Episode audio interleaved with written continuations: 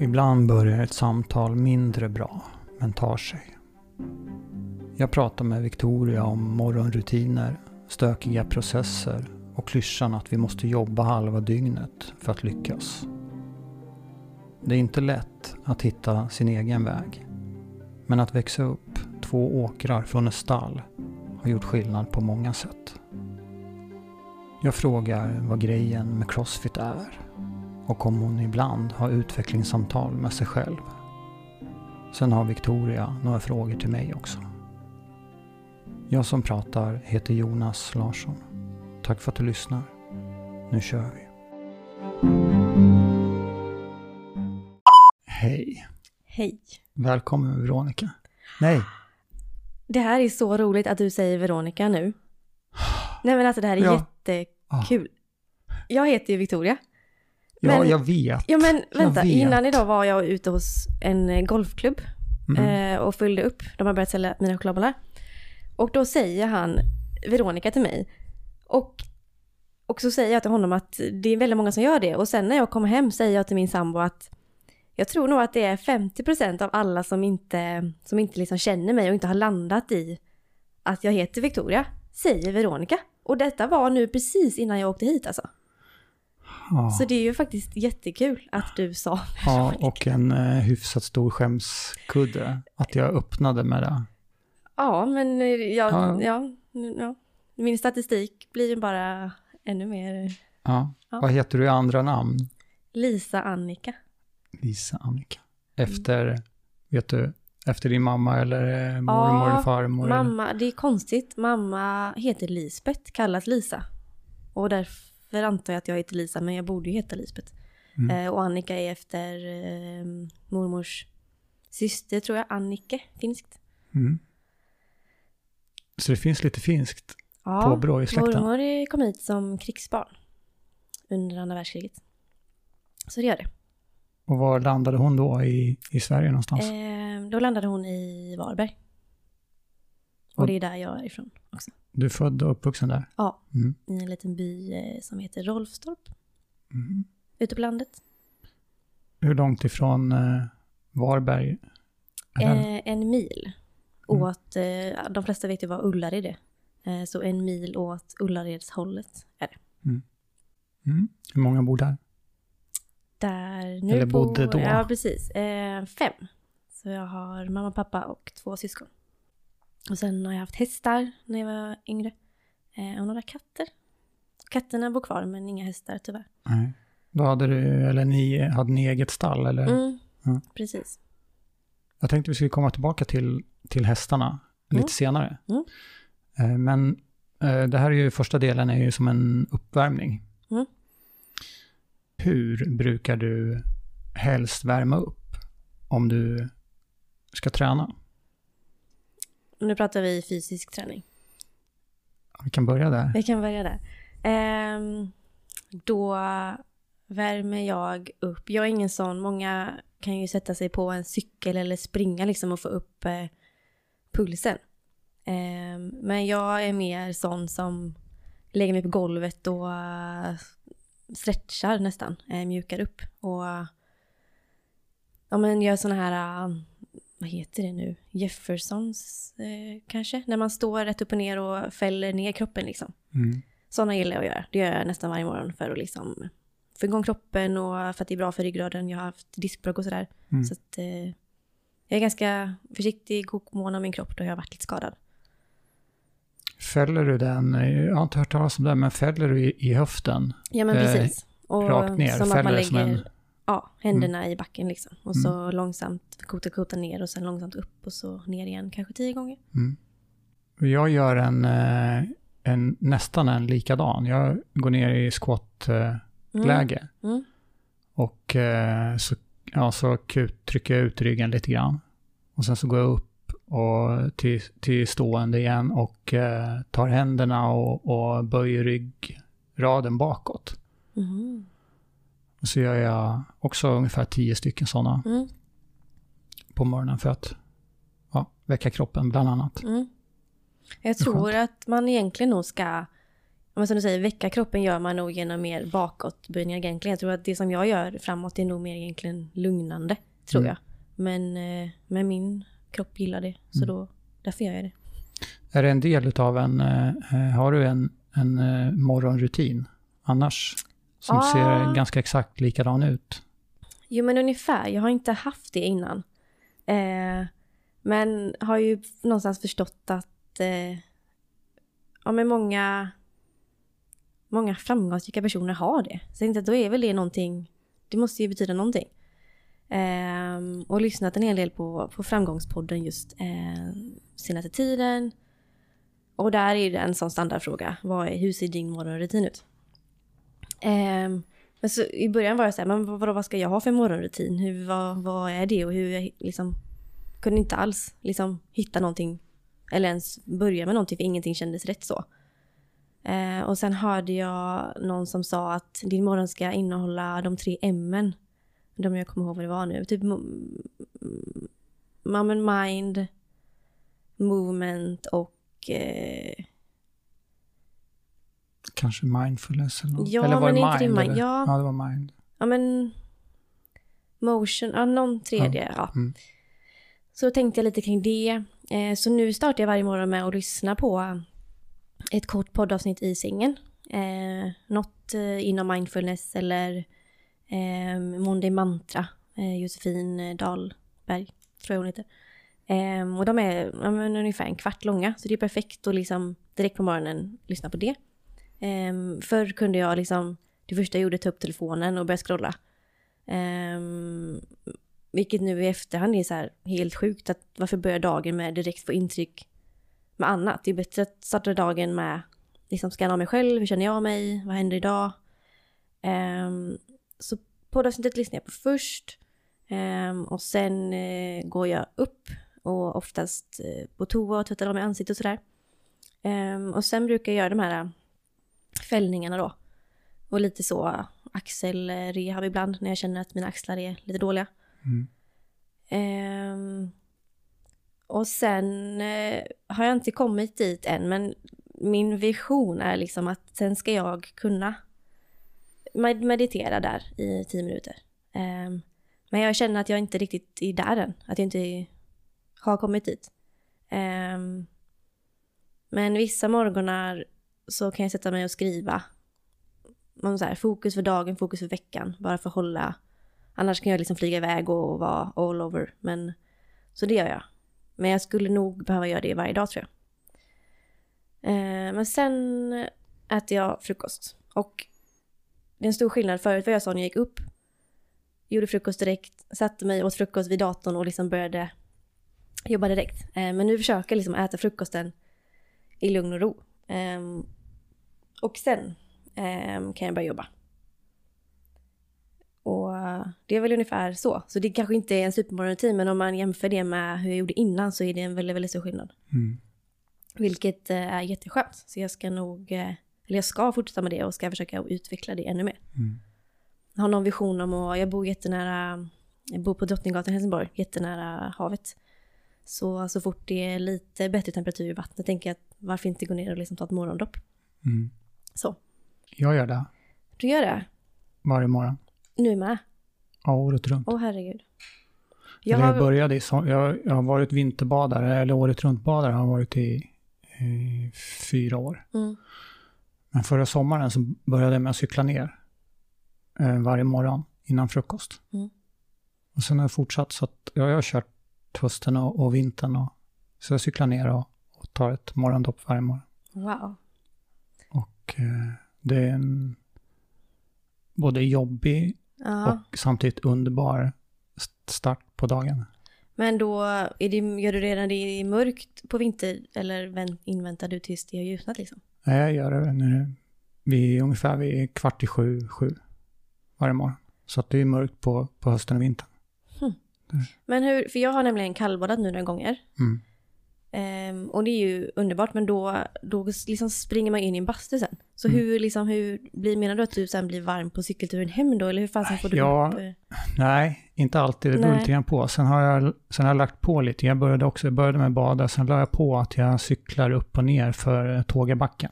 Oh men Gud. efteråt. Och då får jag ju lite, får Oj. upp lite blodcirkulation och får upp värmen lite. Ja. Men eh, sen är lyxen för mig är, är när jag kommer hem, då tar jag en varm dusch. Mm. Om det är på vintern. Mm. Annars duschar jag kallt. Mm.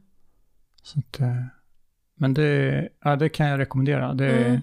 Men känner du en direkt, eh, en direkt bra känsla i kroppen eller känner du mer att det är en, liksom en långsiktig hälsoeffekt? det, jag tycker att det, payoffen kommer direkt. Mm. För jag har, eh, jag, har haft, eh, jag har en del problem med min rygg. Och eh, vissa morgnar är, är tyngre. Och, eh, men jag tänker aldrig på smärtan Nej. när jag badar. Nej. Och jag mår alltid bättre direkt efteråt. Mm.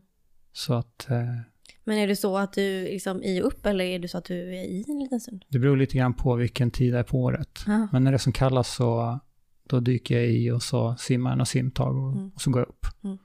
Och det, men det kalla är, kommer ju efteråt. Mm, ja, kommer upp. precis. Man kommer upp och, Ja. om, om händerna och fötterna. Mm. Men nu, nu börjar det bli riktigt skönt, varmt. Ja. Så att det är dags nu. Allt är ju relativt. Ja, precis. Ja. Ja, men det, och det är ju det som händer. Ja. Jag menar, det är väl precis som du kanske kan känna med, igen med dina andra rutiner. Att eh, börjar du göra någonting så, så tycker du efter ett tag att det är inte något konstigt, utan du tycker om det och vill Mm. inte sluta, du vill göra det. ja, men precis. Det här som du berättar att du gör. Mm. Eh, Verkligen. Och någon annan som inte, eller om du jämför med dig själv tidigare så, så känns det ju väldigt annorlunda. Mm. Jag tänkte vi skulle prata lite grann om kreativitet. Om du skulle ge dig på att försöka beskriva vad det är för dig, Mm. hur skulle det låta då? Men alla former av skapande. Um, sen om det är liksom... um, alltså skapa någonting med händerna eller om det är skapa någonting eh, i huvudet, en idé eller en, en vision. Um, ja men skapande liksom i alla dess olika former. Uh, och jag skulle liksom inte säga att jag är en... Ja, men ofta tänker man väl, väl säger jag, men ofta tänker man väl på att konstnärer är liksom kreativa. Mm. Och så är det ju såklart. Men jag ser mig själv inte som en konstnärlig lag- lagd person, men jag ser mig själv som en väldigt kreativ person. Ehm, så kreativitet är nog ett väldigt vitt begrepp och man kan nog vara det på väldigt, väldigt många olika sätt. Mm. Vad är den till för då? Vad syftar den till? Kreativiteten, Ja. Ja men det måste ju vara skapande och nytänkande. Mm. Ehm, och det finns nog också, man kan nog se det som två aspekter också. Det kan nog vara ett, en del som är mer så här, ja men skapande av till exempel en, en fin tavla. Den, dess syfte är ju inom citationstecken bara att vara fin eller ge, ge någon en känsla. Ehm, och så finns det ju kreativitet i att liksom affärsidéer. Och det är nog mer det hållet som jag är kreativ. Komma på lösningar på olika saker och ting och, och sådär. Lite luddigt svar Mm. känner jag men Nej, det tycker jag inte. Men att komma på nya saker, nya idéer ja, eller nya sätt att göra någonting på. ja, Är det där du säger? jo men det är det. Innovation på något vis. Men under tiden i den här processen då? Mm. Jag tänker det här som du bör prata om, det som vi många gånger tänker på, det kreativa skapandet, att exempelvis att måla. Eh, tror du att det finns, eh, att njutningen där är kreativa är att det inte är bara att det är för att någon ska titta på det? Att när någonting är klart, Mm. utan att för den som målar exempelvis, att det kreativa är att, att göra Att det, så göra att säga. Det tror jag. Bara så att det att precis på samma sätt, att det finns, ja, Mm. att det är en, det är en mening i det Mm. i sig. Kan du, kan du se att eh, njuter du eller tycker du om i att vara i den här processen där du skapar någonting nytt, formar? Ja, oh ja. Eller, Det eller är, du, eh, får, pikar du när det är klart? Om du Mm, förstår. Ja. Ehm, nej, jag eh, gillar nog att vara i processen. Och jag kan nog mest koppla det till, ja men just, jag gillar att baka. Eh, och har alltid gjort. Och det är liksom en sån grej som jag gör när jag man behöver komma ner i varv eller behöver skingra tankarna. Eh, och då är det ju själva processen att baka som jag är ute efter. Många gånger så äter jag kanske inte ens upp det jag bakar eller sådär, utan då är det ju verkligen bakandet i sig. ehm, som är hela grejen för mig. Mm. Så i alla fall i, i de situationerna, när det handlar om skapa grejer med händerna så är det processen. Ehm, kanske att jag drivs någonstans av resultatet när det kommer till andra delar. Till exempel om, om jag till exempel ska skapa ett, eh, en affisch till något speciellt ändamål. Ehm, då gillar jag nog inte processen lika mycket utan då kan jag mer njuta av resultatet. Så jag är nog lite Mm. dubbelsidig där. Vad är det jobbigaste då? I, om jag, om jag drar, drar det ett steg längre, att du säger att du, om du kanske inte njuter lika mycket. Mm. Vad är det jobbigaste i det där? Vad är det när det skaver? Ja men när jag liksom har, det är nog när jag inte antingen inte har en klar bild i mitt huvud av hur jag vill att det ska vara och inte liksom når fram till den direkt. Ehm, eller att jag har en bild men inte får till det så. Ehm, och då Ja men då kan jag, då blir jag liksom inte nöjd innan det är bra och då kan det vara så, har jag suttit flera timmar och inte blivit Även om jag hade sagt okej det här ska ta tre timmar och efter de tre timmarna så är det liksom Om jag inte är nöjd med det Då kan jag liksom gå och grubbla och tänka på det resten av dagen sen Tills, och då slutar det ofta med att jag sätter mig på kvällen och pillar med det tills det blir bra Mm. Ehm, men någonstans inne vet jag med att när det handlar om sådana grejer, liksom, nu har jag reklam, skapar reklammaterial som exempel och då vet jag liksom att jag behöver sitta och göra massa olika utkast innan jag landar i det slutliga. Men jag har nog någon så här drömbild om att jag bara ska kunna sätta mig, skapa och så är det första som är klart. Men det, någonstans vet jag att det funkar inte så. Men Nej. processen dit är liksom lika stökig varje gång. Ja, för det, det kan jag känna att eh, ibland önskar jag att eh, jag skulle ha betalt för det slitet jag gjort innan. Ja, men i. I tidigare process. Ja. Att, ja, men det här har jag gått igenom. Mm. Men det är som att eh, det går ju inte att snabbspola sig igenom den där. Precis, man kommer ju inte dit utan... Nej. Nej. Framförallt inte om det är någonting nytt Mm, som eh, vi vill skapa. mm. Då, eh, då går det inte det. Nej men verkligen. Så att, eh, och det är väl där både det underbara och eh, motståndet och det, ja, frustrationen kan, i alla fall jag kan uppleva att Mm. den finns. Mm, Eh, Och eh, en stor del av det att inte veta, mm, som du var inne på. Mm. Vad, vad ska det bli Mm. utav det då? Eller hur ska jag göra? Ja men precis. Mm. Du skriver på din eh, LinkedIn, så skrev du på, på eh, frågan, eller som svar på frågan vem du är, Mm, så har du skrivit eh, eh, ganska många frågor. mm, Och det tyckte jag, jag gillar själv frågor, mm, vilket inte är så långsökt men, men eh, bland annat så skrev du en fråga att eh, vem du är, är inte det, är inte det någonting som man kommer på allt eftersom, ungefär? mm, Och så ett frågetecken efter. mm. Hur tycker du att det går? Har du, har du kommit på Nej men... vem, vem du är just nu? Ja, men jag, jag, jag, jag ifrågasätter nog lite hela grejen med att man ska ja, man hitta sig själv och att man... Det är viktigt att du vet vem du är. Man ska veta. Man ska veta, ja. Det är mycket man ska veta. Ehm, jag tror väl mer att... Eh, jag menar att den jag är är ju den jag ser till att jag är, eller den... Det jag skapar liksom. Så istället för att försöka hitta vem jag är så kan jag ju bli den jag vill vara. Eller? Ja, du, du, du skrev ju något, om jag tolkar dig rätt, Mm. att, eh, att du formas Ja, utav det som du gör ja, och att det är den du blir. ja.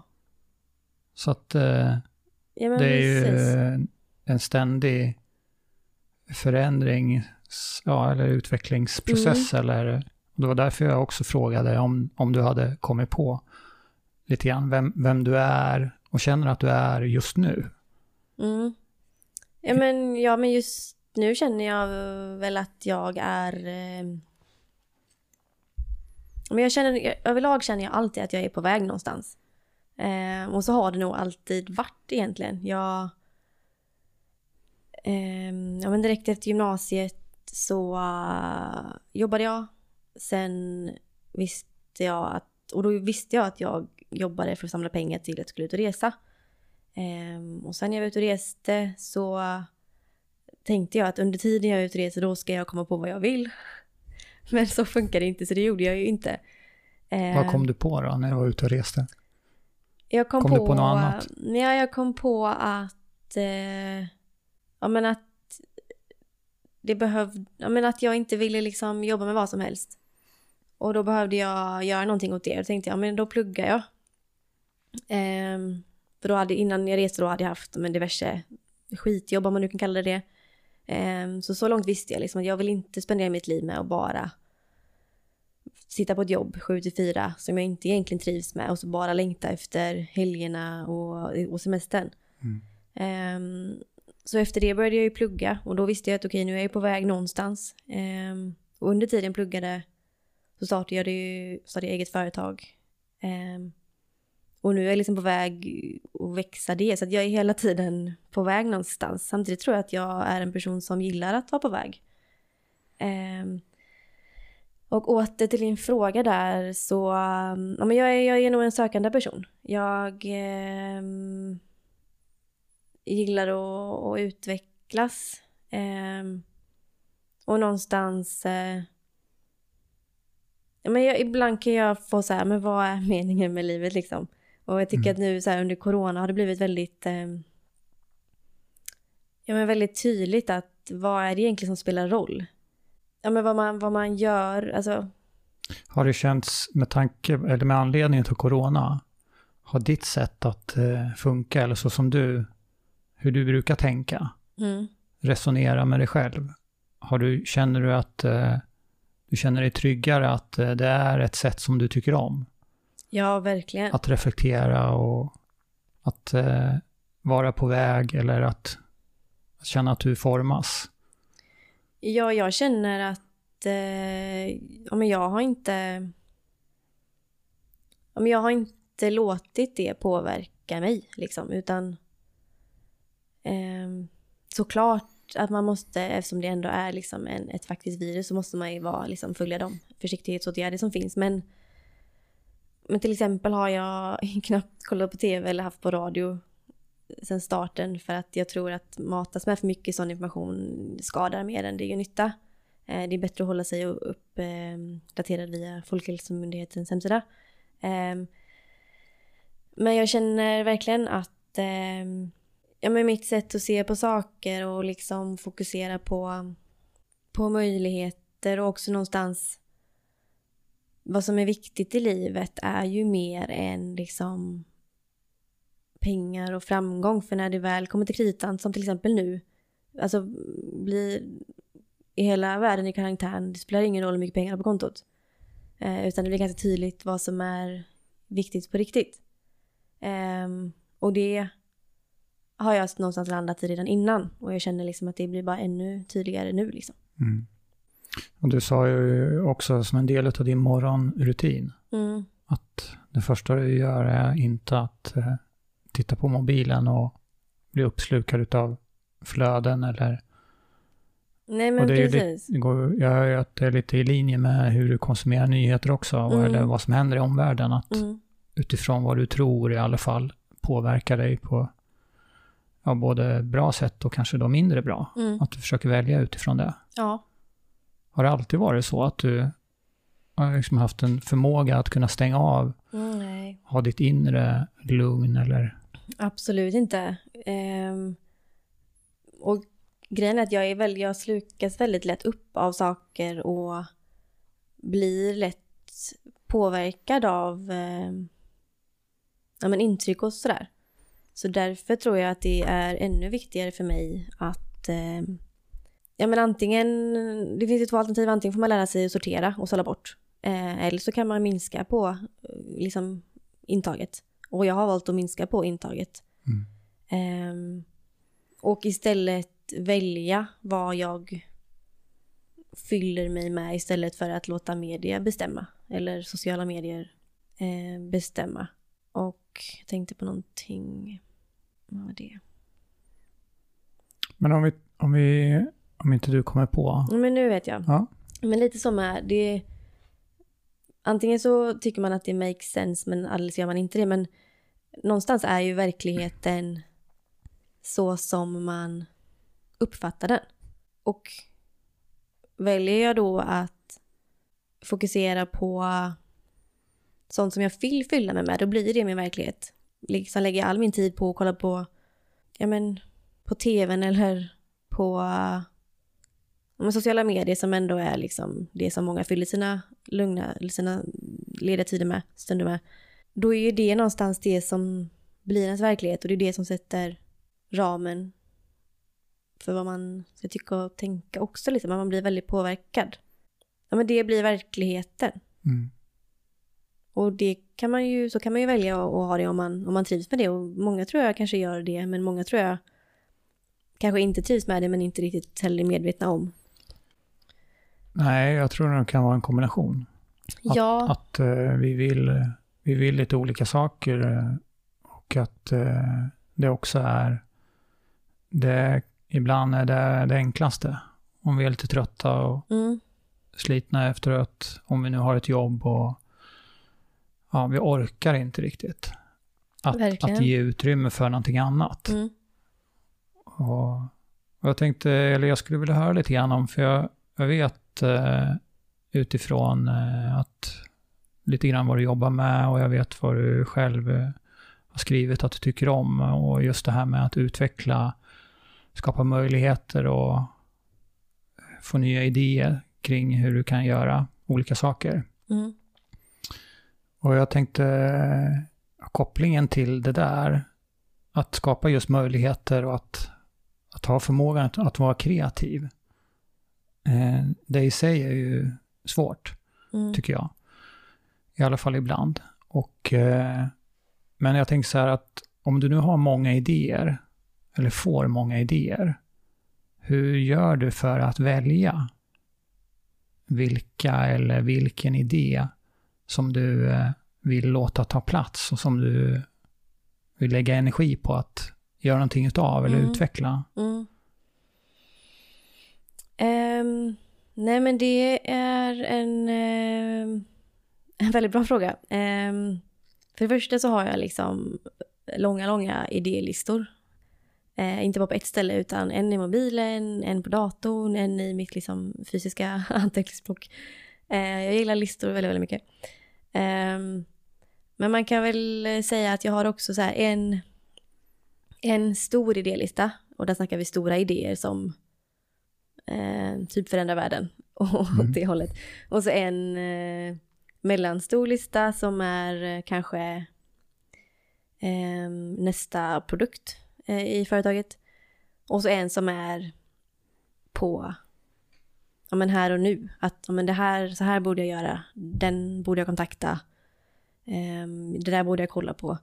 Och jag har, ja, men som jag sa innan, jag kan bli väldigt, eh, jag, kan vara väldigt spretig. Eh, och det är väl så typiskt när man har mycket idéer och man vill hinna med allt och man vill liksom ha ett finger med. Eller kanske inte nödvändigtvis ett finger med, men man vill, man vill mycket. Ehm. Kan du, kan du känna där att du tillåter dig då att vara spretig?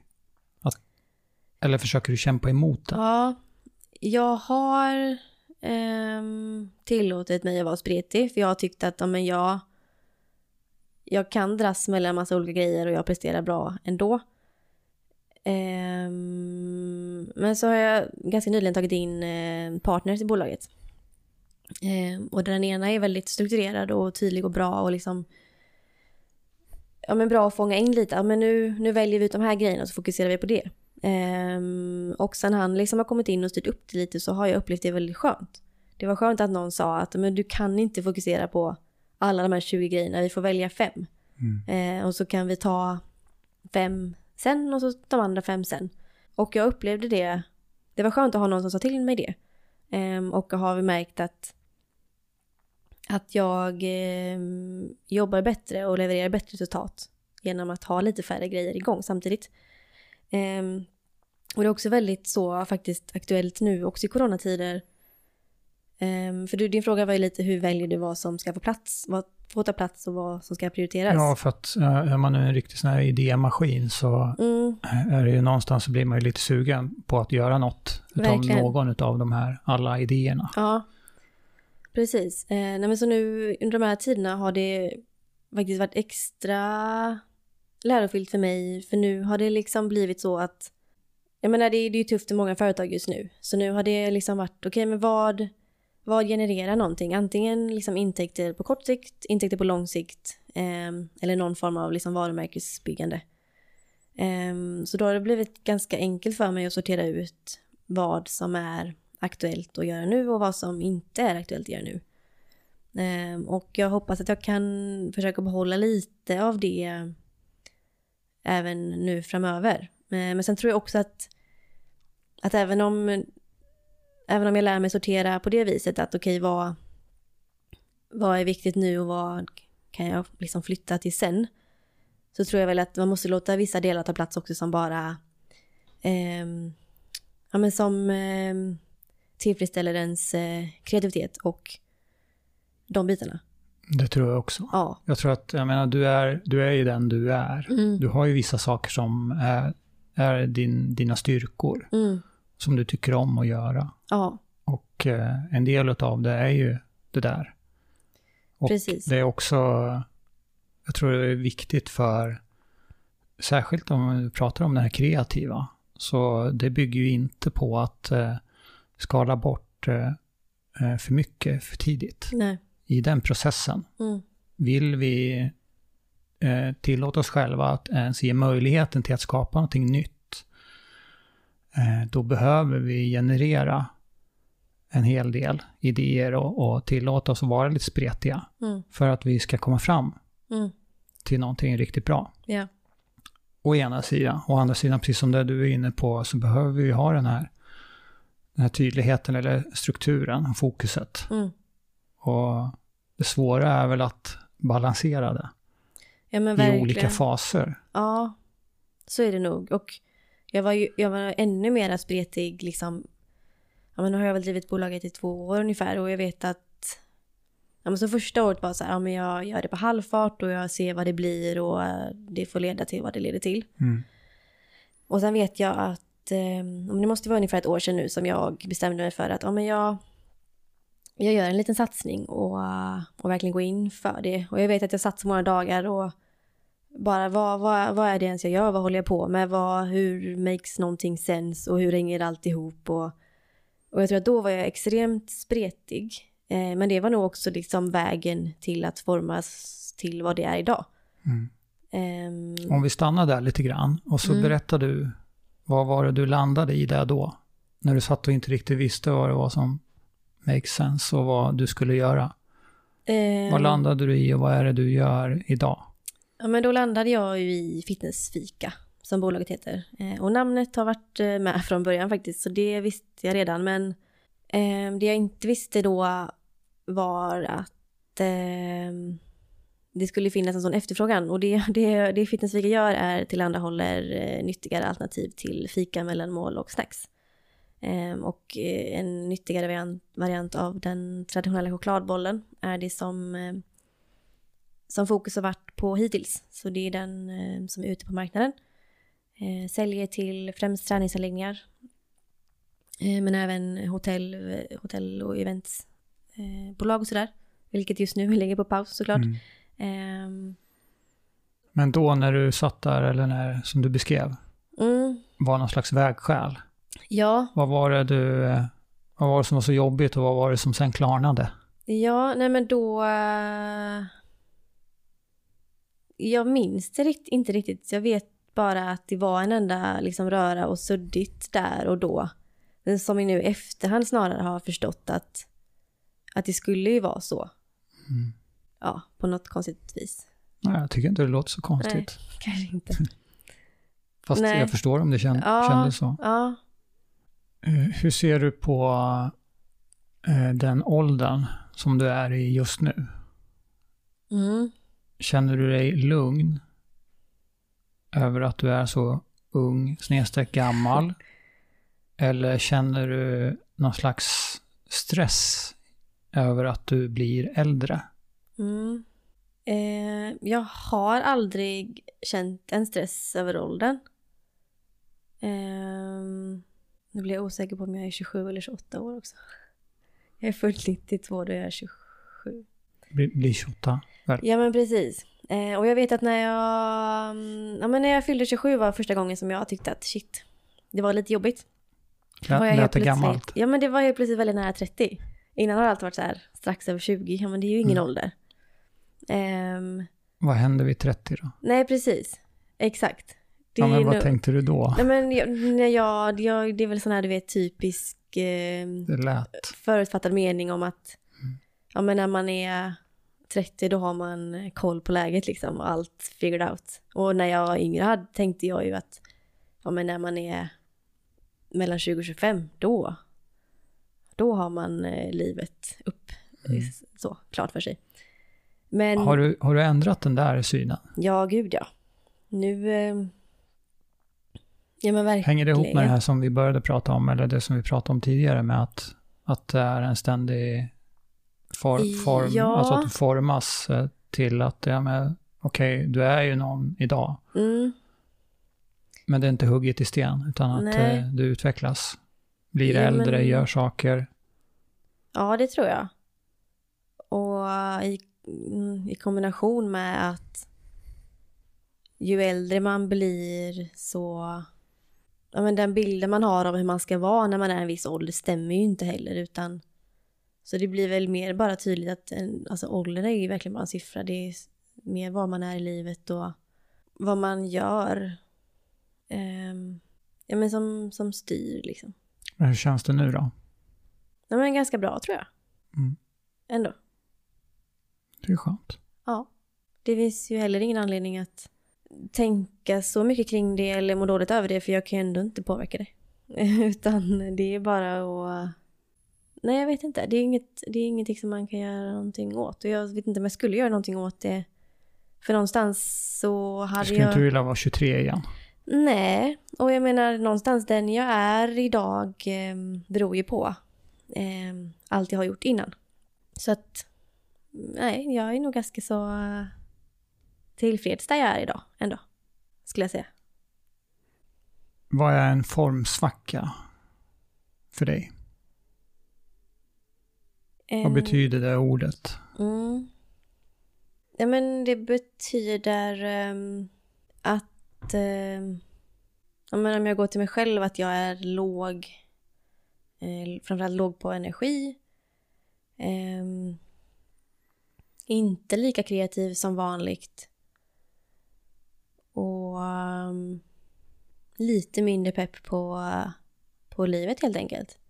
Sen kan det antingen bero på att jag under en, en period har jobbat för mycket och inte återhämtat mig tillräckligt. Eller så um, men har jag under senare tid egentligen kommit underfull med att jag är en person som är lite upp och ner i mitt mående. Eh, ibland så är jag i en svacka och förut kunde jag leta anledningar till det. Jag Bara så här, ja men nu, då är, nu mår jag väl dåligt för att eh, den där kunden sa det förra veckan eller för att eh, på nästa fredag ska jag göra det där som jag egentligen inte vill göra. Eh, Medan nu har jag mer landat i att ja, men ibland så är man lite nere, eller jag, och då det beror inte på någonting och det är ingen fara utan det är bara att försöka ta hand om sig själv på bästa sätt där och då och sen innan man vet ordet av det så är man på sin normala eh, på sitt normala stadie igen. Eh, men det är väl en, en svacka för mig. Mm. Ser du att det ser, funkar ungefär samma i, om ni pratar träning Mm. och eh, i livet? Ja, det gör jag. Mm. Verkligen. Ehm, och jag... Hanterar du, du det på ungefär samma sätt? ehm, det var en bra fråga. Jo, men det... Om du är sliten i träningen, säger ja, ja. Ehm, vi. Inte presterar bra. Nej. Ehm, förut så, så körde jag på ändå. Var jag liksom trött och inte presterade bra så tänkte jag, men då beror det ju på att jag är för svag eller för otränad. Så då tränade jag ännu mer. Och absolut inte lyssnade på kroppen och förstod kanske inte att det var en svacka. Eh, Medan nu, Var det för att du trodde att det var bra? mm, jag tänkte Att att... det var, din, liksom, det var den kunskapen du hade då, att så bit ihop och kör Ja, på. Ja, men även om jag så här visste, jag kunde säga till mina träningskompisar att du behöver nog vila lite. Men när det gäller mig själv så eh, tror man ju att jag klarar ju mer än vad andra gör, vilket ju också är helt orimligt. Um, men nu mer eh, lyssnar jag väldigt mycket på min kropp. Eh, och har insett att ibland har man antingen någonting i kroppen som gör att man är nedsatt eller så har jag sovit dåligt, ätit dåligt, någonting. Men börjar man lyssna på kroppen så känner man väldigt väl när den inte eh, ger tillbaka det som den brukar göra. Ehm, och istället för att köra på ännu hårdare som jag gjorde förr så eh, tar jag det lugnare nu. Eller ibland så känner man inte det förrän under träningspasset och då ehm, är det ju bara att köra lugnare resten av passet. Men känner man redan innan så väljer jag idag istället att gå ut och springa eller ta en promenad eller simma eller vad som helst. Ehm, så väljer jag är snällare mot min kropp idag än vad jag har varit tidigare. Hur har det påverkat eh, prestationen då, eller resultatet, eller hur du mår? Mm. ehm, nej men det är klart att jag inte är riktigt så, alltså att, att jag inte lyfter riktigt så tunga vikt som jag gjort innan. Inte klarar av lika många repetitioner som jag gjorde innan tränade jag crossfit så det är ofta man räknar eh, vikter och reps och så. Ehm, men överlag liksom så mår jag bättre. Eh, kroppen, det har väl också blivit Ehm, nu är ett, ett bra pass, i nu är liksom ett smärtfritt pass. Medan förut var ett bra pass eh, att sätta PB eller sådär. Eller köra slut på sig själv fullständigt. Ehm, så hade jag länge, länge ehm, problem med en axel. Vad, kom, vad hade du skadat dig genom? Ja, jag har nog, det har nog eh, varit, det grundar sig nog i en eh, dysfunktionell skuldra från början. Mm. Och då har jag, eh, som jag sa innan, kört på ändå.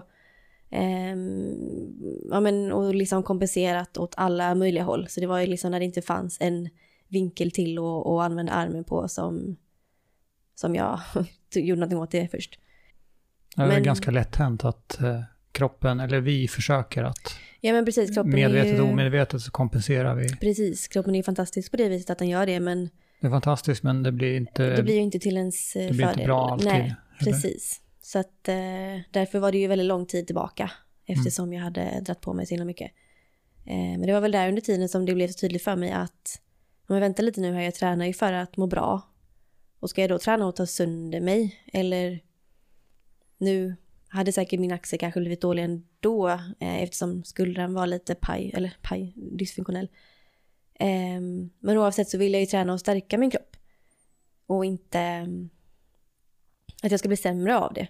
Och det var inte heller under träningen som jag hade mest smärta utan det kunde vara liksom när jag skulle ja, men bara lyfta kaffekoppen eller dra med täcket morgonen. Ehm, och liksom ha ständig smärta är inte roligt. Ehm, och i kombination då um, ja, men har jag både kotförskjutning och diskbråck med. Ehm, och ryggen underhåller jag, liksom tränar jag den och lyssnar på kroppen så är jag i princip smärtfri. Men det var där under ett halvår tror jag som jag hade både ryggen och axeln. Ehm, och det drog ner mig oerhört.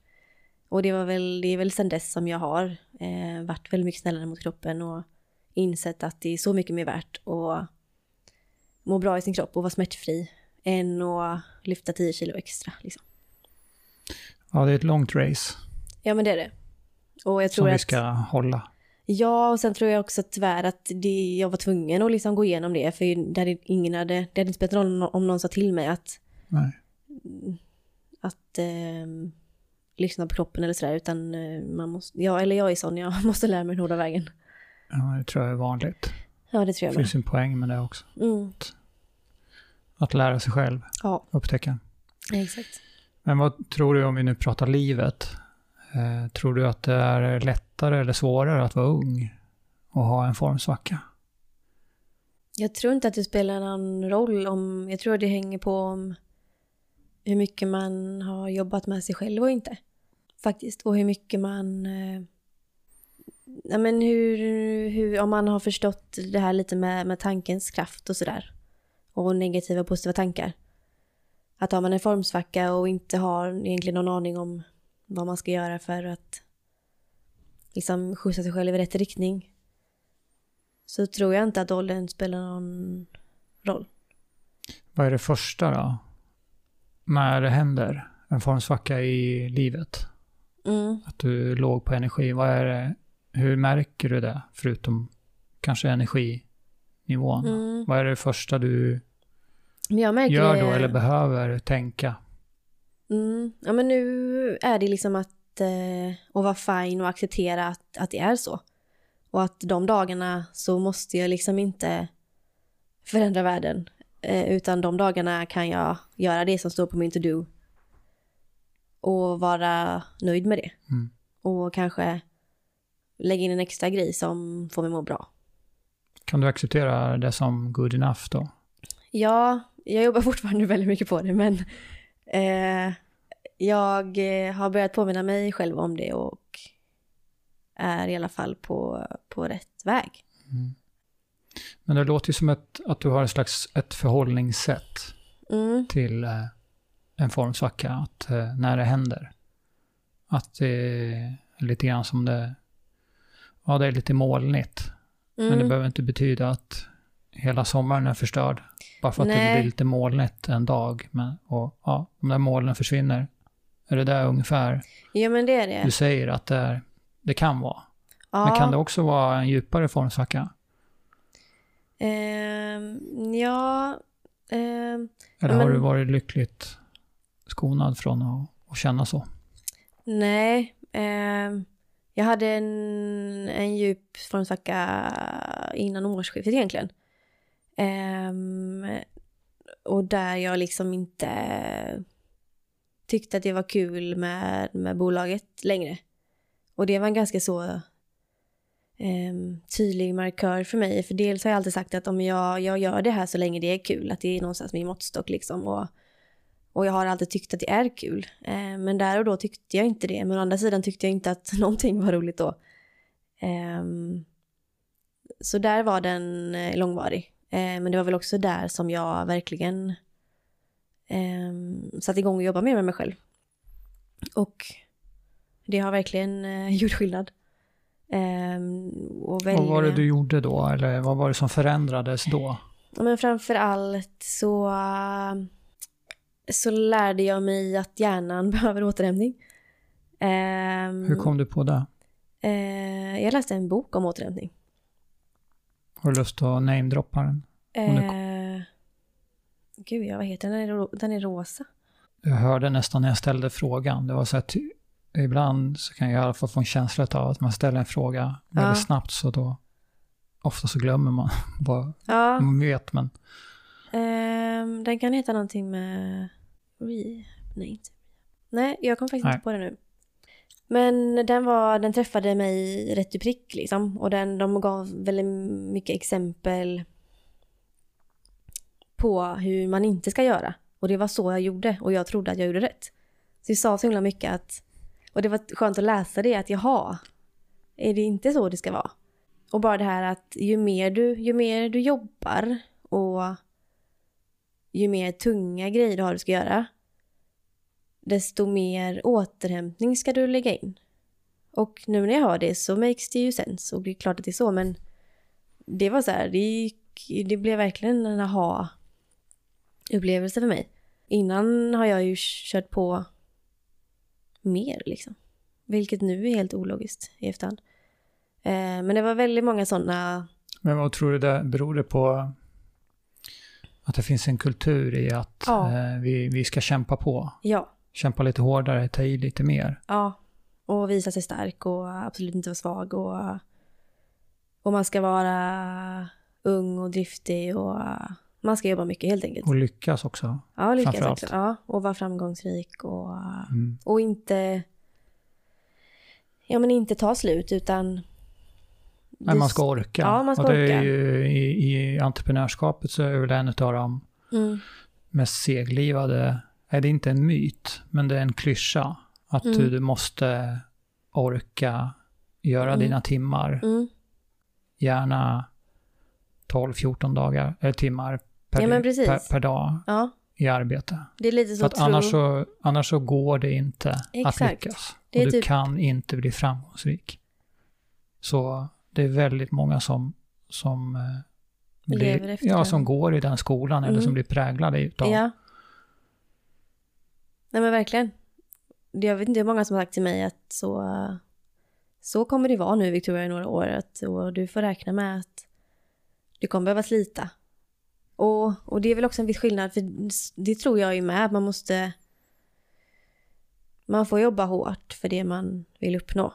Det, det tror jag ändå och det har jag alltid gjort. Men, men den viktiga delen i det hela som många glömmer och som jag glömde är ju att man måste återhämta sig mellan varven. Stressa är ju ingen fara men du måste återhämta dig. Och det eh, har jag förstått först eh, nu senaste året bara. Men återhämtning, det, utöver att tänka på att du ska ha tid för att återhäm, återhämta dig, Mm. hur, finns det någonting mer som du, som du i din verktygslåda, när du ja, inte mår bra eller när du känner att det tar stopp? Mm. Ja, men hur jag, hur jag tänker och ser på saker och ting. Eh, vår hjärna är ju tyvärr så att den är ju lite åt negativ lagd. Eh, påminner vi den inte så tänker den gärna det negativa. Eh, och nu är jag ju liksom ingen expert någonstans men jag tror att det är så att Ja men den är ju, den, hjärnan har inte utvecklats så som resten av världen har utvecklats. Så den är ju någonstans inställd på att vi ska se faror och vi ska skydda oss för att se upp så att ingen eh, tiger eller vad nu kan vara kommer och käkar upp oss. Men i den världen vi lever i nu så behöver vi ju inte hela tiden vara på vår vakt. Um, ehm, men därav tror jag att vi behöver hela tiden Ja, men man, man kan inte bara säga nu är jag positiv och nu har jag lärt mig att bli positiv utan jag tror att man måste hela tiden hjälpa sig själv och tänka positivt. Jag menar om någonting, eh, om jag kör fel till exempel, vilket jag gör väldigt ofta. Ja, du eh, sa ju innan, eh, för jag frågade om det var lätt att hitta hit, Ja. så sa du att nej, jag hade GPS. Och så sa Ja. jag att eh, det brukar inte alltid hjälpa när Nej. jag är ute och kör. Nej, För att jag har så dåligt ja, men jag lokalsinne. håller med. Det är, ja, det är värdelöst. Men det är tur att man har sån tillgång Men det till... finns ju, eh, om vi nu ska vända det till en möjlighet, finns ju någonting positivt med att köra vilse. Eh, Men det kanske är ett sidospår. Nej men det, var det- det, men det var det jag skulle säga. Jaha. Att, eh, ehm, förut kunde jag bli lite förbannad på mig själv när jag körde fel. Att, men, kan, Victoria, kan du aldrig lära dig och liksom, kom igen nu. Nej, men nu är det så här, ja men hade jag inte kört den här vägen hade jag inte fått se det här. Väldigt mycket så, ibland blir jag nästan så trött på mig själv att men herregud, nu, nu är jag lite för Positiv. Ja, men eh, jag märker ju att det gör ju bara gott liksom. Kan en formsvacka hjälpa oss att eh, må bättre? Med andra ord, eh, kan du se att en formsvacka kan vara någonting bra? Ja, det tror jag. Och om man ser, ja, men som man, om man tar den då som jag hade som var lite längre och djupare nu sist eh, innan, innan årsskiftet då. Den är jag ändå liksom tacksam över någonstans nu för att eh, jag har ju lärt mig väldigt mycket om mig själv och hade nog inte ehm, lärt mig alla de här verktygen som jag nu har. Ja, men man, ibland behöver man kanske må dåligt lite för att kunna vara bra. Så ja, är svaret. Mm. Ja, för jag tänker i, det finns ju en koppling till, eh, eller skulle kunna göra till den här kreativa processen. Som vi var inne på tidigare, att den är jobbig, Mm. frustrerande och vi sitter ibland fast och vet inte riktigt. Mm. Och även om vi kanske inte pratar om den kreativa processen som en formsvacka, så finns det ju likheter. Mm. Att det finns ett motstånd eller det är jobbigt. Mm. Vi kämpar med någonting. Vi vill framåt. Vi vill må bra, vi vill liksom komma på hur vi ska göra. Mm. Och i, i träningen så vill vi vara starka, Mm. prestera och, men eh, det går ju inte att göra det hela tiden. Nej men precis. Så att om vi, Mm. om vi någonstans kan ha en acceptans Ja. kring, kring att eh, oavsett om det är i träningen då, eller i livet att, eh, Mm. att går till och med, jag är i alla fall, jag är, jag är nyfiken på att dra det ännu längre Mm. ifrån att det inte bara handlar om att ja, det är någonting som vi är tvungna att dras med, utan att, att det är någonting som vi snarare ska söka. Mm. Att i alla fall eh, se som någonting positivt. Mm. En, ja, lite yin och yang. Mm. Att, eh, Vi Mm. behöver både, vi behöver... eh, Dalarna för ja, att nå topparna. Ja, Liksom. och vi behöver verkligen formsvackorna för att kunna ha formtoppar. Mm. Oavsett vilket område vi, är, vi pratar om. Mm. Ja men det ligger nog eh, mycket i det. Men nu om jag tänker då, om jag tar exemplet med när jag sitter och skapar reklammaterialet så är det ju ofta Ja, men till slut kommer jag ju till ett läge där jag bara känner att nej men nu är det, nu är det skit och jag kommer inte vidare. Och då är det ofta som jag, sen när jag då sätter mig igen, att jag bara löser det. Och då kan man väl säga att jag har haft eh, dippen däremellan. Om man tar träningen så är det ofta efter en svacka som man kommer tillbaka ännu starkare ju. Man, man brukar ju säga att jag vilar mig i form. Mm. Ehm, och när jag nu tänker efter bara här nu så på plats så när jag har mina dippar så är det nog ganska vanligt att jag kommer tillbaka väldigt kreativ sen. Så att eh, intressant tanke måste jag säga. Eh, hästar, naturen och eh, skivstänger. Ah, Jag tänkte eh, om vi kan prata lite grann om det. mm, Vi har ju varit inne på skivstänger mm, kort bara mm, och hästar. mm, Men om vi börjar med hästar. mm. Hur, eh, ja, hur började Hur det började egentligen? Mm. Hur gammal var du? Vad var det, Ja. vad var det som du fastnade för? Mm. Ehm, det började med att, ja, men som jag sa innan så är jag uppvuxen på landet. Ehm, och vi brukar säga, vi räknar inte så här meter hemma utan vi räknar åkrar. Så två åkrar ifrån så eh, ligger det en stor gård. Ehm, de har mjölkkossor, eh, närmare 200 tror jag det var. Nu kanske de inte är så många längre men de hade även och har hästar. Och eh, hade även barn i eh, både min ålder och i syrrans ålder. Har du en stora syster eller lilla? En stora syster. Mm. Det skiljer ett och ett halvt år bara mellan oss. Men så det var stora syrran då som började rida hos grannen. Och sen blev jag också då såklart intresserad. Eh, men jag började rida på, för, på förskola, på, på ridskola. Eh, så jag och syrran började på ridskola samtidigt. Så det var väl min första kontakt där. Och då skulle jag gissa på att jag var sju, åtta år. Och sen efter något år på ridskola så började även jag rida hos grannarna. Och sen var nog mamma och pappa trötta på att vi var ju bara hos grannarna hela tiden så då, då tänkte pappa men då får vi bygga ett eget stall. Ehm, Så då gjorde pappa det. Ja, det är klart. Precis.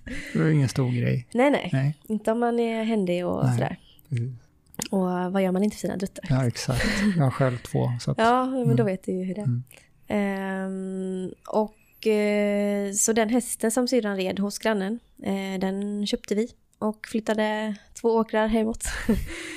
och frågan är, hade vi bara henne från början? Nej, men jag tror att ganska så direkt där så hade vi, man ska inte ha hästar ensamma heller.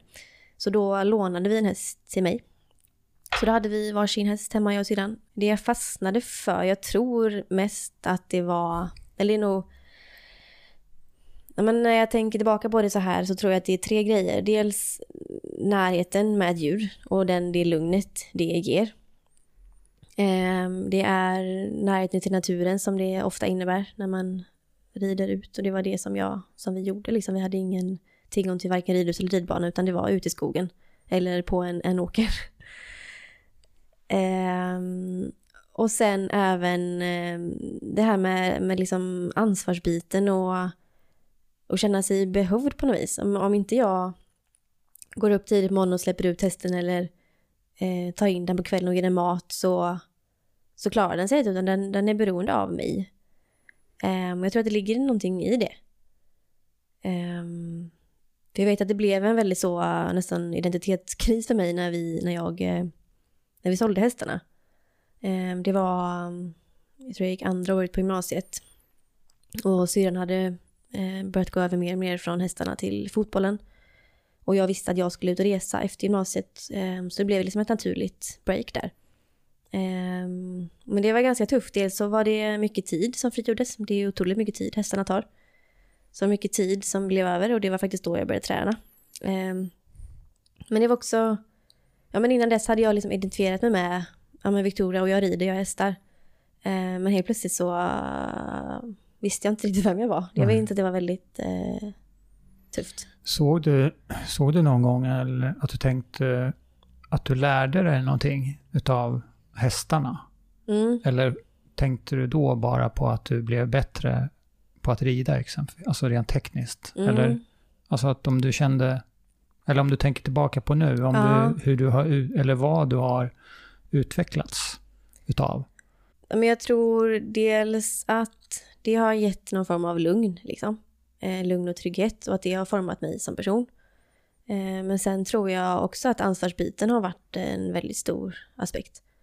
Eh, Visst är det ganska vanligt att många lyfter den biten? Ja, jo, alltså som. En, en, en styrka ja. om man har tagit hand om hästar. Ja men precis, det är ju alltså som ofta, många gånger får man ju en egen häst som ganska ung tjej och då, eller kille för den delen, och då men det är ganska få andra... Det är ett stort djur, ja, men stort vi, ansvar. Det är ett stort djur och stort ansvar. Och man... Ja, men som jag sa, man behöver ta hand om det liksom. Och man, man gör det, för man gör allting för sin häst. Liksom. Mm. Och det handlar ju om liksom tråkiga grejer som att mocka med. Men man gör det, så jag tror att man inser där att eh, den efforten måste man liksom putta in för att få ut mm. det man vill av det. Och, ja, men jag tror att det, ja, men hästtjejer överlag brukar vara väldigt så. Mm. Inte, rädda, inte rädda för att hugga i heller. Jag har alltid varit så här... Eh, jag började sommarjobba tidigt. Jag jobbade första sommaren jag var 14. Och... Ja, men jag vet att det blev ofta så här en snackis om att ja, men har du fler hästtjejskompisar som kan jobba? För de hade väl också erfarenhet av att man eh, varken är rädd för att jobba eh, och man har då stort eh, ansvar, tar ansvar. Liksom. Mm. Bra egenskaper. Ja, jag vill tro det. Var det, sen eh, när hittade du till skivstängerna då? Var det när, häst, när mm. ni sålde hästen? Jo men det var det. Då började Hur kom jag... det sig att det blev eh, skivstång och var det crossfit redan från början då? Nej, det var vanlig gymträning där något år först. Varför eh, blev det det?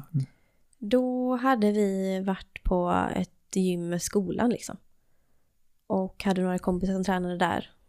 Och då var det det som kändes liksom närmast till hands så. Men var det för att du ville bli starkare eller snyggare eller eh, må bättre eller vad, mm. kommer du ihåg mm. varför? Varför blev det viktigt att träna då? Det var nog eh, det som dök upp. Hade något annat dykt upp hade jag nog hoppat på det. Det var nog där då behövde jag någonting att lägga min tid på. Mm. Och så har jag alltid varit lite sån att jag vill att saker jag lägger tid på ska generera någonting. Sätta, gå en målarkurs bara för att måla tavlor för att det tycker jag inte, anser jag inte mm. genererar någonting utan någonting vettigt liksom. Så då blev det... Nu kommer vi få alla konstnärer på dig. Ja, jag hörde att det lät lite... Men, Men, men eh, du är en fin människa. jag är en fin trots att det människa. lät- Jag gillar konstnärer. Trots att det jag lät gillar till. tavlor. Ja. Nej, jag, men jag är en sån person att... Eh, jag vet inte hur jag ska förklara det. Jag gillar att sa, göra saker som gör nytta.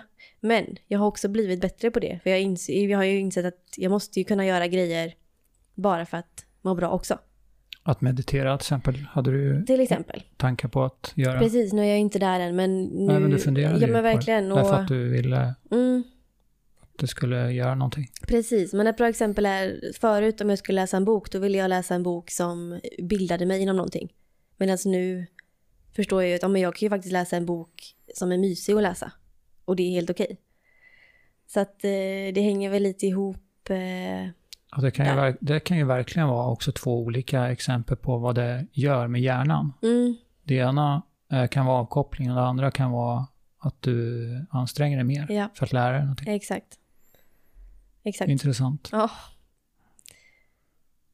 Ja, men där när jag... Men du började kötta med lite vikter. Ja, och sen något år efter där så uh, hade vi Crossfit kommit till Sverige och det skulle öppna en Crossfit-box i Varberg. Så då var det liksom en naturlig... Ja men då hade jag nog också börjat känna att jag tyckte att gymträningen var lite tråkig och var sugen på att testa ett annat. Och då var det ett, en ganska låg tröskel när det liksom öppnade Mm. ett nytt gym och alla var nybörjare liksom. När, när var det här? Det var, nu ska vi se här. När flyttade jag till Skåne? Det gjorde jag fem, 2015. Då började jag träna crossfit eh, 2013 typ. Mm. Mm. Jag eh, utbildade mig till level 1 Mm. coach tror jag var 2013. Ja, men det var väl ganska där i Ja, det var, då var det ju väldigt nytt. nytt och populärt. Ja, Många som... var, var har du... Ja, jag, ja, jag gick i, i, åkte till Norge och gick utbildningen. Men, Mm. men, så, men jag började aldrig coacha. Ja, okej. Så jag tränade bara lite grann. Tyckte det var... Ja, det var dels för att det var kul att lära sig någonting Mm. eh, för egen del. Men så var jag... Ja, jag fuskade lite som PT. Och, eller ja... Mm. Eller fuska gjorde jag inte för jag var utbildad. Men ja. Parentes. Vad tyckte du om den utbildningen då? Den var bra. Ja, Svår. ja. Eh, teoretiskt var det svår för den var på engelska och jag Mm. tyckte väl inte riktigt att jag klarade av. Nej. Men eh, var väldigt eh, gedigen och seriös. Mm. Ja, jag har en idrottsbakgrund och jag fick, tycker jag fick lära mig väldigt mycket nytt som jag gärna skulle ha velat Mm. haft kunskap om tidigare, även fast jag spelade hockey. Mm. Så när det gäller träning och kroppen och Ja. eh, kost och ja, he, hela paketet så att säga. Mm. Men du började köra crossfit där i Varberg.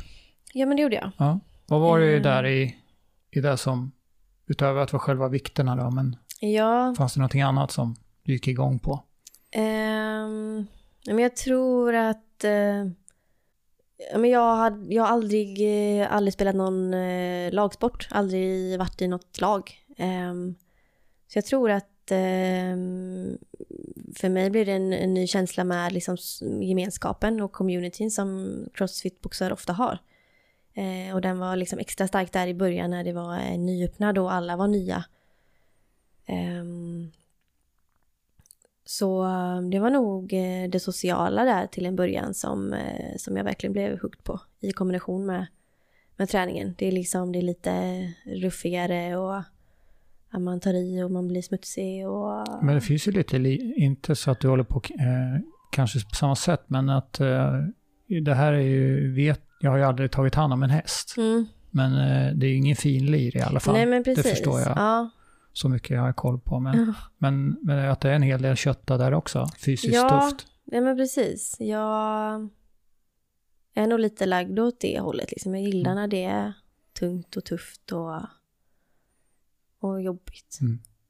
Kan du känna att crossfiten har utvecklat dig på något annat, på något mer sätt än det fysiska? Ja, men jag tror att det sociala har gett mig ganska mycket. Faktiskt, och inte allra minst eh, när, vi, när jag och eh, min sambo flyttade ner till Helsingborg. Eh, då, och ha liksom då Crossfit-communityn och någonstans landa i eh, var väldigt viktigt. Ja, men knyta kontakter och är, är ju liksom A och O eh, i dagens samhälle. Och, ja, att men, vara en del av en gemenskap. Ja, ja, det skulle jag säga. Och speciellt då som jag då som inte har något, någon förening och sådär i, i bagaget. Ja, man tränar ju tillsammans, sporrar varandra. Ja. Eh, och eh, min upplevelse är att eh, det finns ett omhändertagande mm. i, i, att man vill att andra ska ja, både träna säkert och mm. att det ska bli bra. Ja, så att säga. Det är inte bara det individualistiska att gå och kötta på ett gym, utan att, Nej. att det är att eh, många gånger också så, så ska man hjälpa varandra att fullfölja, att klara av Precis. ett pass. Mm. Det är lite mer en, en livsstil. Det är inte bara den som är starkast. Eh, snabbast, som, Gud, som är eh, bäst nej. eller populärast om man uttrycker det så, utan det finns en annan slags solidaritet också i ja, men det, gör det. tycker jag. Och jag minns att det var så himla skönt när jag gick från, från gym till crossfiten där ja, men fokus skiftar ju helt och hållet. I, I gymvärlden är det ofta så att där är det utseende fixerat. Man tränar för att bygga större muskler eller för att gå ner i vikt eller gå upp i vikt. Eh, Medan i crossfit-världen så handlar det om vad du presterar. Eh, och sen om du får muskler så är det bara ett plus liksom. Mm. Eller vad det nu kan vara. Men där är det din prestation som spelar roll och det spelar ingen roll hur du ser ut. Och det vet jag var en befrielse. Mm. Um. Ja. Har du en eh, utvecklingsplan? Jag, Oj, vilken fråga. Ja, men jag tänker att eh, på vissa jobb så har man ju medarbetarsamtal mm. med, med, sin chef. Mm. Och eh, då pratar man ju bland annat om, om utveckling. Mm. Och då tänker jag så här, eller jag funderar på om du, brukar du ha samtal med dig själv om, om din egen utveckling? Ja, men ja, det kan jag nog ha. Jag kan nog, när jag är ute och rider så kan jag eh, prata lite med mig själv. Faktiskt. Mm. Eh, och jag eh, försöker alltid att sätta upp lite mål för mig själv. Så det är väl ändå någon form av utvecklingsplan. Ja, men jag försöker och det här med liksom ja, men självledarskap och sådär att ja, men jag tror att det är en resa som man aldrig är självlärd på utan det är någonting som man måste liksom hålla igång hela tiden och det har jag också en plan på att göra. Eh. Skriver du upp inom vilka områden som du skulle vilja utvecklas? Nej, det gör jag inte. Skriver du upp om, eller kommer du på så att du skulle vilja lära dig någonting nytt? Ja. Nej, inte riktigt där är jag. Nej. Nu är det mesta, vad ska jag säga? Det mesta som jag lär mig är för att liksom boosta mitt mående. Snarare. Mm. Jag tror säkert att det kommer komma till ett stadie där jag Men börjar känna... Men kan inte det vara Jo. Kan inte det också falla in under någonting som att du vet att det här vill du? Mm. Det är väl i allra högsta grad en slags utveckling. Mm. Någonting jo, som påverkar ditt mående. Mm. Ja men absolut, det är nog... Eh, Gillar du att göra, alltså du pratar ju om dina att göra-listor, eller listor mm. pratar du om, inte, mm. du har inte bara att göra, eller hur? Nej. Nej. Men du gillar att skriva listor? Ja, det gör jag. Är, är listorna också... Eller gillar du att göra, skriva planer också? Att göra planer? Eh, ja. Eller drömmer du mer, tänker mer, hoppar från en tanke till en annan och sen så kanske det landar till någonting konkret som du skriver ner i din lista eller? Mer så ja. Så inte så mycket... Nej, planer skriver jag inte ner hur långt perspektiv har du när du, när du planerar eh, ditt liv? Eh, en vecka. Så veckovis planerar jag. Eh, ganska så detaljerat så, hur mina dagar är. Sen eh, har jag väl kanske ett månadsperspektiv eh, om jag tänker liksom mitt privatliv och helger och sådär. Men har väl också märkt på senaste tiden att jag gillar att inte ha så mycket planerat på min fritid utan att det får komma lite eftersom och vad jag känner för. Jag har väl märkt att att planera in någonting som jag känner för nu om två veckor kanske jag inte känner för om två veckor.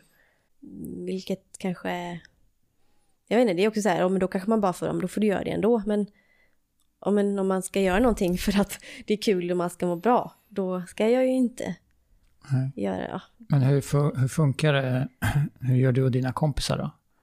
Ja. Bestämmer ni, eller går ni mycket på känsla? Mm, ja, men mina två närmaste tjejkompisar är väldigt eh, bra. De är lite som mig, att de... Och vi är väldigt öppna med varandra. Är det så att någonting dyker upp eller att man inte känner för det, då säger vi det rakt ut. Så att mm. oss emellan så är det, mm, funkar det väldigt bra på det viset. Eh, Medan andra är ju så att man måste planera, annars blir det liksom aldrig av någonting. Och då är det lite svårare. Men du är inte sån där som, som gillar att ha varje helg planerad?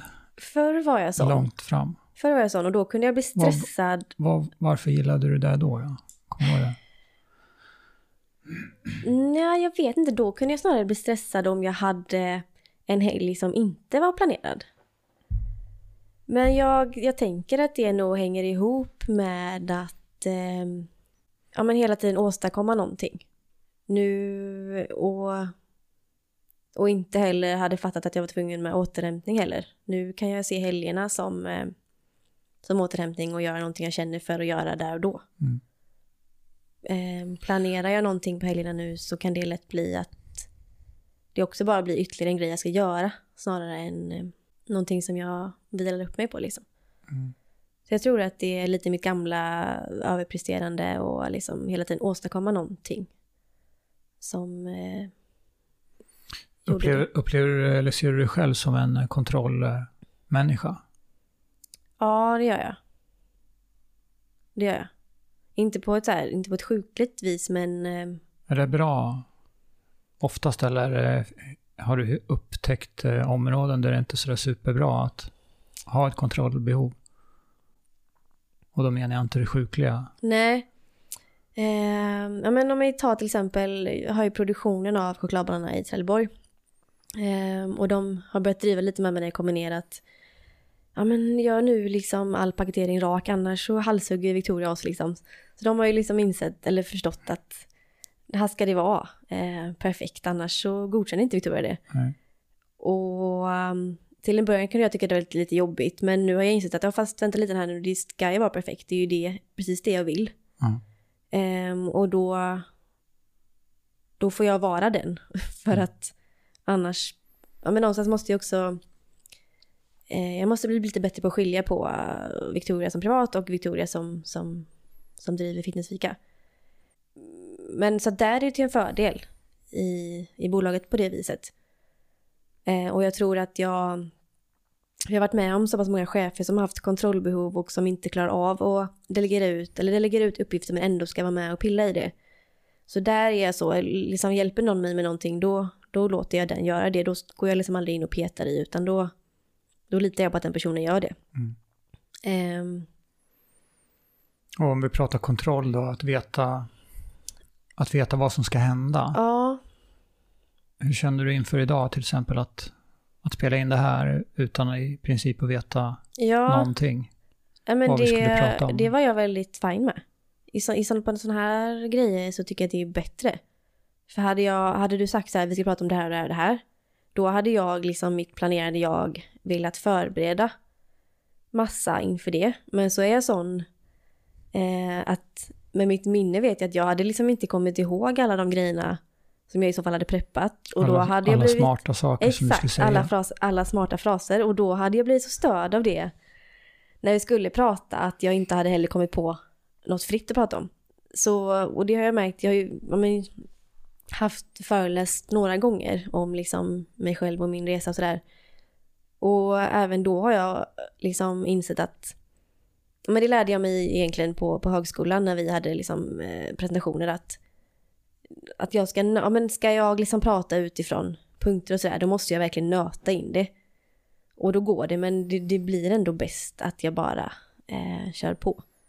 Så nej, jag har nog inte alls ont av eh, att inte veta, skulle jag nog eh, säga.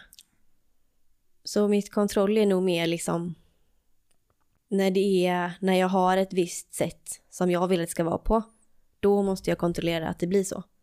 Men om det är någonting som, som är utom mitt ansvarsområde så behöver jag inte ha kontroll på det. Skulle vi kunna varva ner lite grann med att eh, försöka spana in i, i framtiden?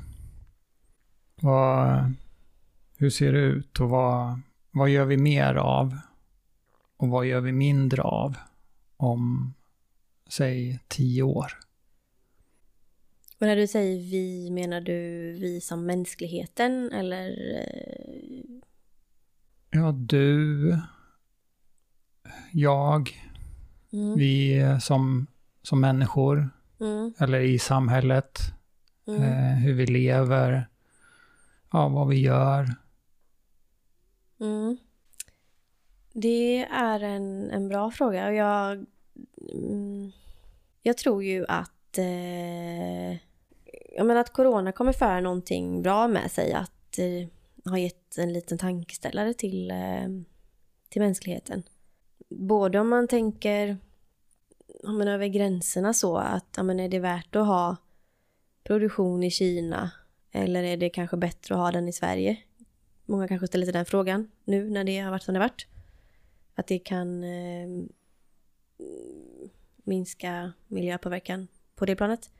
Eh, jag tänker att, och jag hoppas att många blir lite mer eh, måna om sin eh, hälsa. För det är ju någonstans eh, en god hälsa är ju någonstans det som, står, som man står stark med genom något sånt här.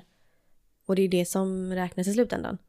Och där, med det sagt så, um, så tror jag kanske att, um, ja men...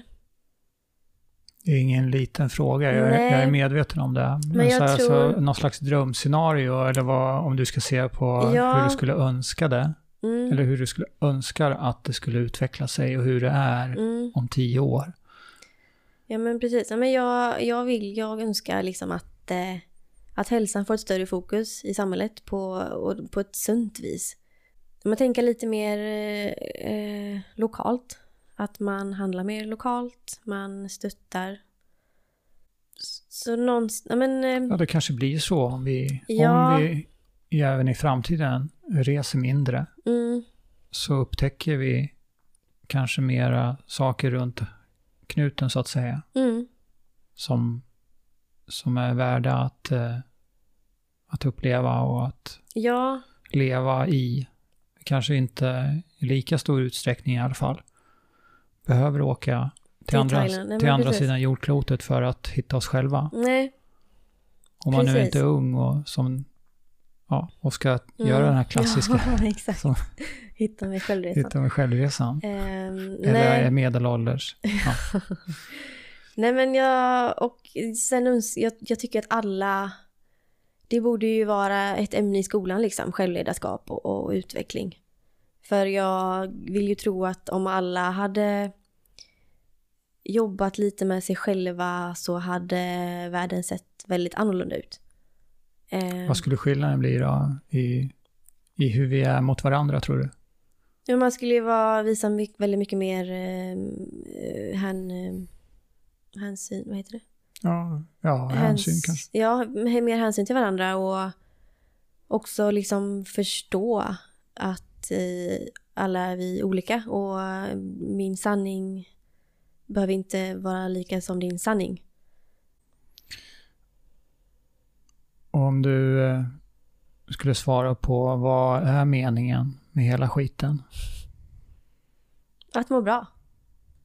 Sen kan man liksom på vägen. Jag menar jag skulle kunna ha ett mål att jag vill uppnå, jag vill göra skillnad. Och någonstans vill jag väl liksom skaka om och röra om lite i hur livsmedelsbranschen ser ut. Mm. Men, men meningen med, med livet och, och vägen dit så ska jag ju ändå må bra. Har vi missat att prata om någonting, tycker du, idag? Som du skulle vilja ta upp? Nej. Är det någonting som du skulle vilja fråga mig? Ja, det är det ju såklart. Nu är jag ju helt uppe i mig, i mig själv. För att vi har pratat om mig hela tiden. Jag är ju jättenyfiken på dig. Är det, Vad gör du när du inte sitter och pratar i podd? då cyklar jag ner och badar, Då cyklar du ner och badar. bland, bland annat. vad är din favoritmat? Jag har en last och det är knäckebröd. Oj, Mm. vilken sort? Ja, vi, ja, nu kanske jag inte ska göra reklam här. Jag var på väg att säga, jag behöver inte Mm. säga vilket märke, men, men eh, i och för sig, jag har blivit bättre på, jag har fått en bredare smak, så att Ah, jag har utveckllat den. Men jag kämpar med att eh, på samma sätt utveckla min musiksmak, men det går inte lika lätt. ja, Okej.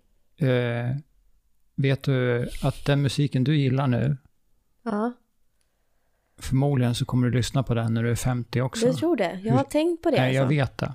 Du vet det. Nej, det där lät, det lät, lät väldigt, väldigt självsäkert. Men oftast, och, eller så här, i mitt fall, Mm, så är det så. Jag kämpar med att lyssna på ny musik. ja.